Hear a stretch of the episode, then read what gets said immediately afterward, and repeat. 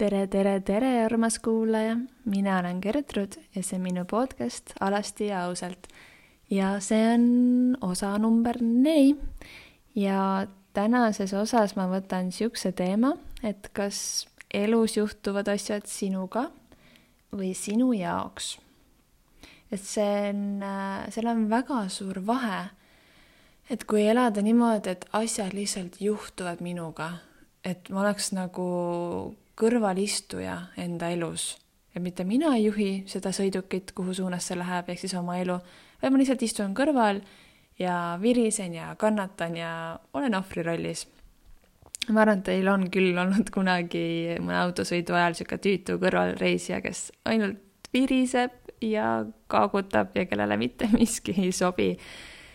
et siis tahaks öelda küll, et okei okay,, näe, palun sõida siis ise aga kui palju me enda eludes seda teeme, et see, et kui ma võtangi, et elu lihtsalt juhtub minuga, et oh, vaene mina, miks jälle mina, miks mul kunagi ei vea, miks mul kogu aeg juhtub see, teine ja kolmas, siis see tähendab ju, et ma ei vastuta absoluutselt mitte. et kõik on lihtsalt üks sihuke õnnetuste jada ja kuskil pole mingit loogikat, süsteemi, mustreid, mitte midagi aga see teine versioon, et kui võtta, et elus juhtub kõik minu jaoks, ehk siis ülipositiivselt võiks öelda, et äh, et kõigel on mingi põhjus ja tähendab, isegi ei peaks ütlema, et ülipositiivselt, aga no igal juhul positiivsemalt kui see esimene variant. ehk siis, et iga, iga olukord, iga õnnetus võib olla hoopis üllatus. et iga, iga, iga asi on nagu pisike pusletükk tervest suurest pildist. ja, ja ma suudaksin näha nende olukordade ka teisi külgi. et mitte ainult keskenduda sellele negatiivsele, vaid mõeldagi, et okei okay,, aga mille jaoks see hea võib olla, mida ma sain sellest praegust õppida, mille jaoks ma sain ruumi teha. et see on niisugune suur-suur usaldamine, et kõik, mis on minu jaoks loodud, see tulebki ja jääb nii pikaks, kui on vaja ja mis peab ära minema, katki minema, koost lagunema, mis iganes, et siis ka see juhtub. et, et asjad ei, ei juhtu nagu lihtsalt niisama. ja seal on alati mingi põhjus ja ja me ei pruugigi alati seda põhjust kohe teada, aga mõne aja pärast kindlasti, et näiteks suhted, mis purunevad, enamasti purunemise hetkel on see muidugi väga-väga valus.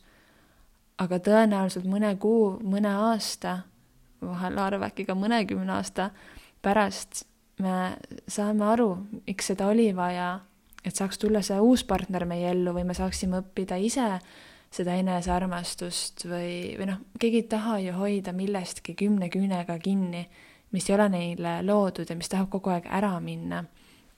ja mul endal on praegu üks sihuke just huvitav olukord elus, kus mu, mu kallis, armas, nunnu, tore auto andis otsad ja selle parandamine on ikkagi päris räme kallis ja esimese hooga läksin ma muidugi sinna ohvri rolli, et ah oh,, miks mina, miks just praegu majanduslikult kõige nõmedamal ajal üldse. ja tekkis kõik hirm ja ebakindlus tuleviku suhtes ja pettumus ja viha ja ja, siis ma sain aru, et, et okei okay,, et ma läksin enda mõtetega tegelikult tulevikku, sest nagu ma ütlesin, et olukord on lihtsalt see, et auto läks katki, okei okay,, tuleb korda teha. aga ma ruttasin tulevikku, et issand, issand, issand, nüüd ma pean oma kogutud rahast äh, nüüd raha selle peale panema ja äkki mul läheb seda tulevikus hoopis millegi muu peale vaja, äkki ma oleks tahtnud reisile minna või, või mida iganes enda arvates targemat teha. aga sellega ma ju praeguses hetkes tekitasin endas veel rohkem ärevust ja kurbust ja viha ja mulle hästi meeldib, kuidas täna hommikul Ingrid ütles mulle, et, et võib-olla selle jaoks mul oligi see raha kogutud. äkki see oligi selle jaoks, et mul on vaja autot parandada, et ma võiksin ju olla hullult õnnelik praegust, et jess, mul on see raha olemas, jess, ma saan auto korda teha. Aga ma olin jumala kurb ja vihane ja mis on ka täiesti okei okay., kõiki tundeid võib tunda, aga just see, et ma tunnen need ära ja lähen eluga edasi. ja jällegi ma ei tea, mille jaoks see hea oli võib-olla kui ma ei oleks nii lollil, lollis kohas keset kesklinna tee äärde jäänud, äkki minuga oleks juhtunud mingi suur avarii mõned äh, meetrid, mõned kilomeetrid edasi. et jah, võimalik, et see on niisugune otsitud põhjused, aga tead, isegi kui on, siis kui nad teevad minu enesetunde hetkel paremaks, siis miks mitte? oled sa kunagi mõelnud, et, et kannatamine on valikuline? kui ma seda esimest korda kuulsin ma olin täiesti, mu, mu pea lõhkes nagu mis mõttes. aga tegelikult niimoodi on. Et praegu ka see oli mu enda valik äh, ennast nii stressi ajada mingi lihtsalt auto pärast. see on lihtsalt auto, see on lihtsalt raha. minuga on kõik hästi, raha tuleb ja läheb. ma saan selle korda teha ja ma saan, kui ma olen praegu suutnud raha koguda, siis see tõestas mulle seda, et ma suudan seda alati teha ja, ja see, et, et kannatamine on valikuline, minu arust see on nii huvitav, sest et suur osa, enamus osa meie kannatusi toimub meie kahe kõrva vahel, isegi mitte päriselus, vaid meie kahe kõrva vahel, et need kannatused, mis meil on kunagi juhtunud, mida me uuesti läbi ketrame, ja igasugused kannatused, mis võib-olla võivad tulevikus tulla ehk siis enamasti praegusel hetkel on meil kõik hästi. ja, ja mäletate, kuidas ma, kas see oli vist podcast osa number kaks, kus ma rääkisin sellest, et ära usu või kas tasub uskuda kõiki oma mõtteid, kus ma rääkisin sellest, et äh, peale igat meie mõtet tekib kehas ka mingi tunne, ehk siis mingi keemiline reaktsioon, ehk siis, et mis hormoone mu keha hakkab tootma. ja kui ma mõtlen neid kannatuslikke mõtteid siis et äh, kannatuslikke mõtteid, okei okay,, väga huvitav, aga, aga just neid, et äh,, et oi kui hirmus, mis võib juhtuda või kui valus mul on või kui halb või et oi-oi-oi-oi-oi, siis ma ju kannatangi enda mõtetes, kuigi tegelikult võib-olla ma istun oma köögilaua taga ja, ja räägin sõbrannaga juttu ja kõik on hästi. et sedasama asja tegelikult ma tegin hästi palju oma äh, oma sünnilooga, et mu sünnitus ei olnud üldse tore, see oli füüsiliselt kerge, vaimselt väga valus. ja ma ise kirjeldasin seda väga kaua, isegi aastaid, kui vaimset vägistamist, ehk siis väga karm, väga kole, väga valus hinnang iseendale, oma lapsele, oma kehale, üldse kogu sellele kogemusele aga ma ka tõsimeeli uskusin seda. Ehk siis ma nägin ennast väga tugeva ohvrina ja väga väiksena ja abituna ja et minust on üle sõidetud ja mind ei austatud ja tehti protseduure äh, vastu minu tahtmist ja ja see oli väga-väga karm, see lugu, mida ma endale rääkisin. ja, ja rääkisin aastaid, aastaid ja aastaid, mis tähendab seda, et ma elasin seda oma kehas üha uuesti ja uuesti läbi. Et tegelikult see olukord päriselt toimus vaid korra. aga mina ise panin ennast läbi seda uuesti elama, end kannatama veel mitmeid sadu kordi, kui ma selle peale mõtlesin või sellest kellelegi rääkisin ja, ja see ei tähenda, et me peaksime need tunded alla suruma või need traumad või rasked kogemused, absoluutselt mitte, see on nii oluline nendega tegeleda. aga ka siis teadlikult tegeleda, et mitte kiruda ja, ja, ja neid kannatusi juurde luua, vaid igal olukorral on alati, absoluutselt alati vähemalt kaks külge ja ühel hetkel hakkasin ka mina nägema enda sünnituse teist poolt, et seda poolt, et aga mille jaoks see hea oli. just seesama, et kas see juhtus minuga, kus mina absoluutselt ei vastuta, või siis, et see juhtus minu jaoks. ja nüüd, kui ma selle peale mõtlen või sellest räägin, on mu kehas täielik neutraalsus. isegi ma võiks öelda tänulikkus, sest et tänu sellele kogemusele, mis oli metsikult raske ja valus ja vastik, leidsin ma oma elukutse, oma kire, oma täieliku kutsumuse olla sünnitoetaja ja toetada naisi. läbi selle ma mõistan naisi, kes on saanud haiget, kes on olnud sünnitusjärgses depressioonis, kes on tundnud äh, mingil viisil äh, vägivalda haiglates. ja, ja tänu sellele ma tunnen, et ma saan olla nii palju parem tuula. Ja, ja ma oskan naisi nii palju paremini ette valmistada. Ja ma õppisin ka iseenda kohta, et kui ma selle üle elasin, siis mille kõige jaoks ma veel võimeline olen, et kui tugev ma tegelikult olen. ja ma saan ka väga hästi praegust aru, et miks see sünnikogemus selline oli, mis need minu kitsaskohad seal olid, mis peegeldus see minust seal sünnitustoas oli. et ega ükski ämmaemand ega arst ei olnud mu sünnitusel ju taotlusega mulle haiget teha vaid see oli see, kuidas mina seda tajusin ja mida mina selle kohta siis endale hiljem rääkisin ja ennast täiesti ohvriks tõin, kuniks ma tervendasin selle koha, mis on nii, nii oluline, tohutult oluline nende, nende raskete kogemustega tegeleda, kuniks on see neutraalsus kehas. sest ega need ei kao kuhugi.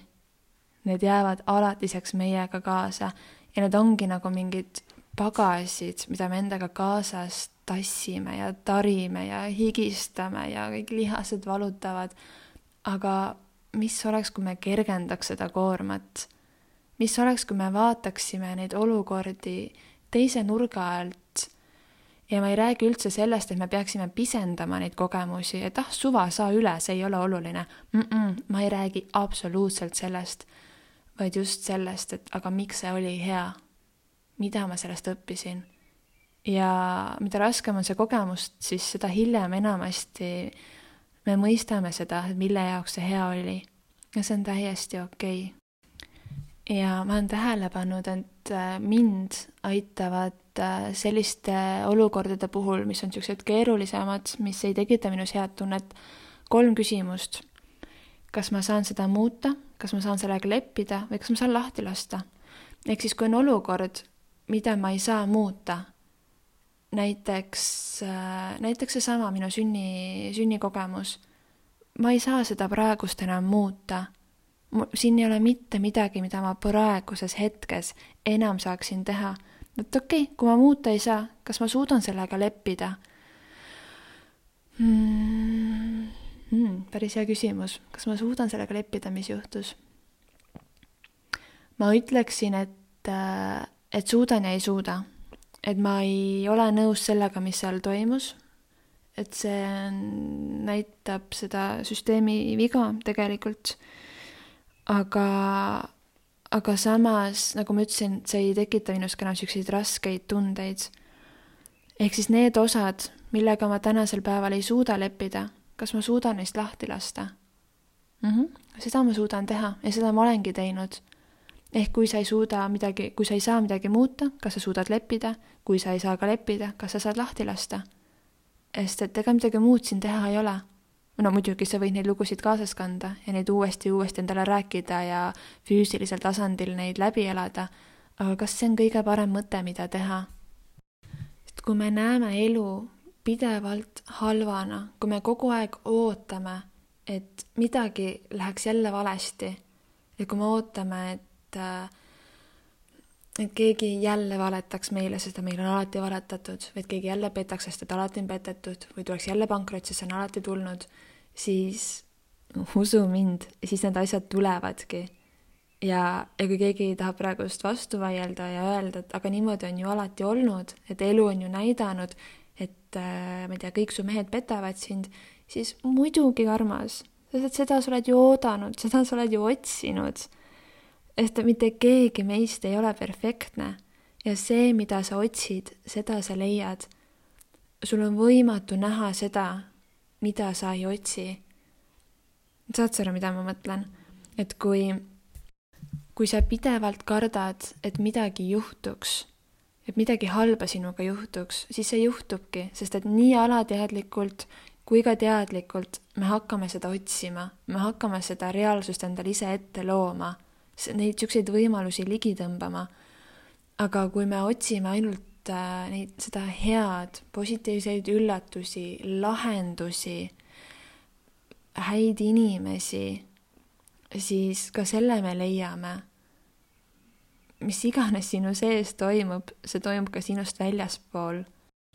kui keskenduda ainult probleemile, siis me oleme probleemi kohas ja probleemi kohast me näemegi ainult probleeme. Aga kui probleemist välja astuda sinna neutraalsele pinnasele, siis on alles võimalik näha ka lahendusi. ja see natuke see sarnane, et kui, kui on mingi mure, et siis maga üks öö ära ja vaata järgmine päev uuesti üldiselt see on siis juba kergem, kui isegi mitte lahenenud, sest et kui ma olen selles kohas, kus ongi kõik on nii raske ja vastik ja tüütu ja miski ei toimi ja ää, siis, siis nii ongi. Siis täpselt seda peegeldab ka terve maailm mulle vastu. et ma arvan, et see ongi see oma elu üle ise vastutamine. et ma ei istuks seal kõrvalistmel, et ma haaraksin rooli oma kätte, valiksin ise muusika, ehk siis on ju mõtted, valiksin ise kiiruse, valiksin ise, kas ma sõidan edasi, kas ma sõidan tagasi, kas ma olen ühe koha peal. see on päris hea näide aga, aga sest, et kui ma ise vastutan, siis ma ka ise loon ja mina ise ju tean kõige paremini, mida ma tahan, mida ma väärin ja, ja kus on see, kuhu ma peaksin minema. muidugi on inimesi, kes saavad meiega sellel teekonnal koos olla vahepeal suunda näidata, enda kogemusi jagada, valgust poetada mõnda pime-, pimedasse kohta, aga lõppotsuse pean ikkagi tegema mina. Sest et kui mina seda ei tee, siis keegi teine peab selle tegema. Ja see ei pruugi mulle kohe üldse mitte sobida, sest et iga inimene annab ju soovitusi vastavalt enda kogemusele, aga see on selle inimese kogemus. Sellel ei ole mitte midagi pistmist minuga, see ei pruugi mulle üldse, üldse meeldida. lihtsalt kui lihtsalt käed üles visata ja mõeldagi, et, et elu lihtsalt juhtub, et siin pole mitte mingisugust korrapärasust, siis, siis ma olengi niisugune lükata ja tõmmata. ja, ja elu juhtubki minuga. aga kui ma haaran ohjad enda kätte, siis ma saan valida, millised kogemused ma saan ja tõsi, ma ei saa kontrollida tervet maailma, aga ma saan kontrollida iseennast ja enda mõtteid ja õppida usaldama, lahti laskma ja võtma asju sellistena, nagu nad on. Ja mis ma alguses ütlesin, et iga olukord on tükike mingist suuremast puslest. et kõik on millegi jaoks hea, kui ma soovin seda niimoodi vaadata vahel on see tohutult raske, vahel on see kergem. et ma arvan, et selline kohanemisvõime võiks olla võtmesõna, et, et ma ei jää nii kinni erinevatesse minevikutraumadesse või tuleviku ootustesse, sest et kui ma olen nendes traumades kinni, siis ma nii või naa juba lõikan väga suure osa enda tulevikust ära, sest et ma kardan, et midagi võib jälle korduda. Ja kui mul on ka väga kindlad tuleviku ootused, siis samamoodi ma lõikan väga suure tüki ära, mis kõik võiks juhtuda, äkki isegi midagi paremat, pluss siis ka see, et kui ei lähe nii, nagu ma olen tahtnud, siis ma võin olla tohutult pettunud ja jällegist, et sa ei saaks valesti aru, et ma ei mõtle siin seda, et, et ära siis üldse naudige elu või lihtsalt ole ja looda parimat, et üldse mitte, vaid just see, et, et tegelikult kui ma tean, kui ma usun tõesti sellesse, et väline maailm on minu sisemaailma peegeldus, siis ma saangi iseendaga tegeleda. Sest kui minu sees on kõik hästi, kui ma olen enda vastu aus, kui ma hoian iseennast, kui ma armastan iseennast, sean ennast esimesele kohale siis terve ülejäänud maailm ju peegeldab seda mulle vastu. Ja kui ma usun, et ma olen väärt parimat, siis väga suure tõenäosusega ma saangi selliseid äh, kogemusi. Ja, ja kui need asjad ei lähe nii, nagu on minu ideaalpilt, siis ma mõtestan ennast ümber, kohanen uue olukorraga, sest et nii palju elu on veel ees, nii palju on veel elamata ja, ja ma tean, et iga asi on minu parima tuleviku nimel. minuga juhtuvad parimad asjad. elu kannab mind kätel. see on ka üks ütlusi, mis mulle tohutult meeldib. Et mina peaksin olema oma kuningriigi kuninganna. mina peaksin seda, mina, see on minu ülesanne teha enda elu ilusaks, lõbusaks, mõnusaks, harmooniliseks, nauditavaks, külluslikuks, värviliseks see ei ole mitte kellegi teise ülesanne. ja, ja kui ma olen otsustanud näha seda kõige ilusamat enda elus, siis seda saab ju ainult juurde tulla, sest seda ma ju otsin. ja kui ma olen otsustanud, et ma ei vastuta, viskan käed üles ja suva, elu lihtsalt juhtub minuga, siis ma vastutan tagajärgede eest. sest et ma sain aru, et äh, et vastutama peame me igal juhul, sellest ei pääse. et kas ma siis vastutangi pigem sellega, et ma ennetan ma loon võimalikult parimad tõenäosused, kuidas mu elu läheb, või siis ma vastutangi enda tagajärgede eest.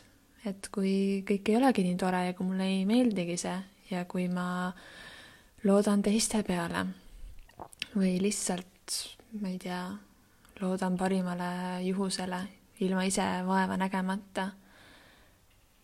et jaa, see vastutamine on nii oluline. Ja täpselt nagu sünnitusel, et kui ei sünni, kui ei vastuta see sünnitav naine, siis keegi ju peab vastutama. ja siis see ongi kas ämmaemand, arst, mees, tuula. aga kõik, kes ei ole naine, annavad ju selle enda parima, mis neile sobiks ja, ja see ei pruugi sellele naisele meeldida. et äh, nii kahju, mul on nii, nii kahju, aga enamik naisi arvavadki, et sünnitusmajas on ämmaemand see, kes peab naisele ütlema, mida ta peab tegema. et ämmaemand teab, kas naine peab sööma või magama, kas ta peab olema vannis või liikuma. et justkui keegi teine oleks selle naise keha spetsialist kust otsast see loogiline on? Need asjad ju ei käi niimoodi. ja, siis, kui need naised ei vastuta, siis, siis enamasti see sünnitus ei ole kõige toredam. Nad ei ole selle lõpptulemusega rahul, et nemad ise ei joonistanud seda pilti, nemad ise ei kirjutanud seda lugu, seda tegi keegi teine. ja isegi, kui see teine inimene ei taha halba, enamasti ei tahagi, siis see ei tähenda, et see sellele sünnitavale naisele meeldiks või ka sellele beebile sest et pole olemas kahte samasugust sünnitust.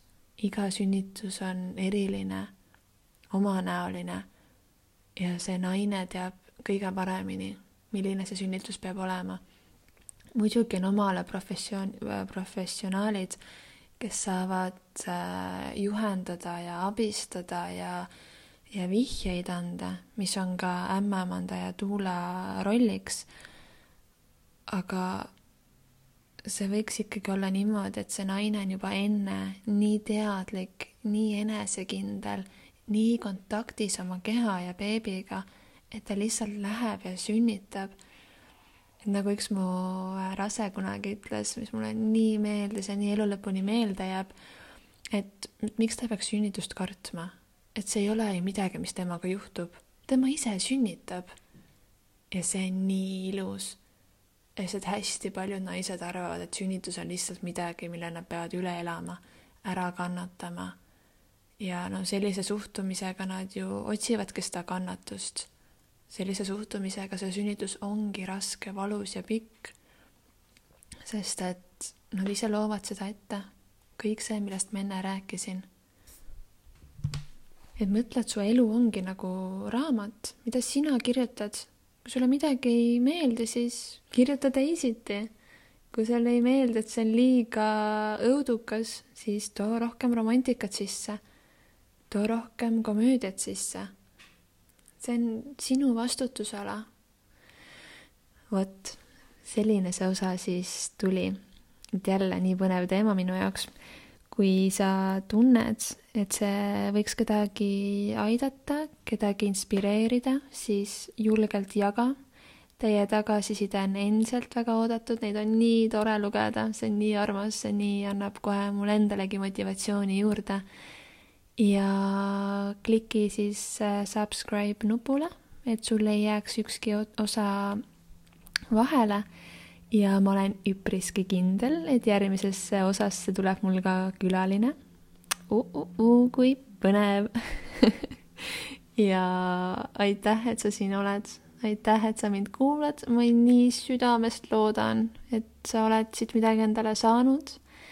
Ja mis iganes ettepanekud, ideed, mõtted, küsimused sul on, siis julgelt pane need imeline ootused gmail.com minu poole teele ja ma vastan nendele või kui sa tahad ise tulla minuga rääkima saatesse, siis saad ka täiega oodatud. et nagu ma ütlesin, see on niisugune vaba kulgemine, ma räägin sellest, mis iganes minu jaoks oluline tundub. ja jaa, terve maailm on valla.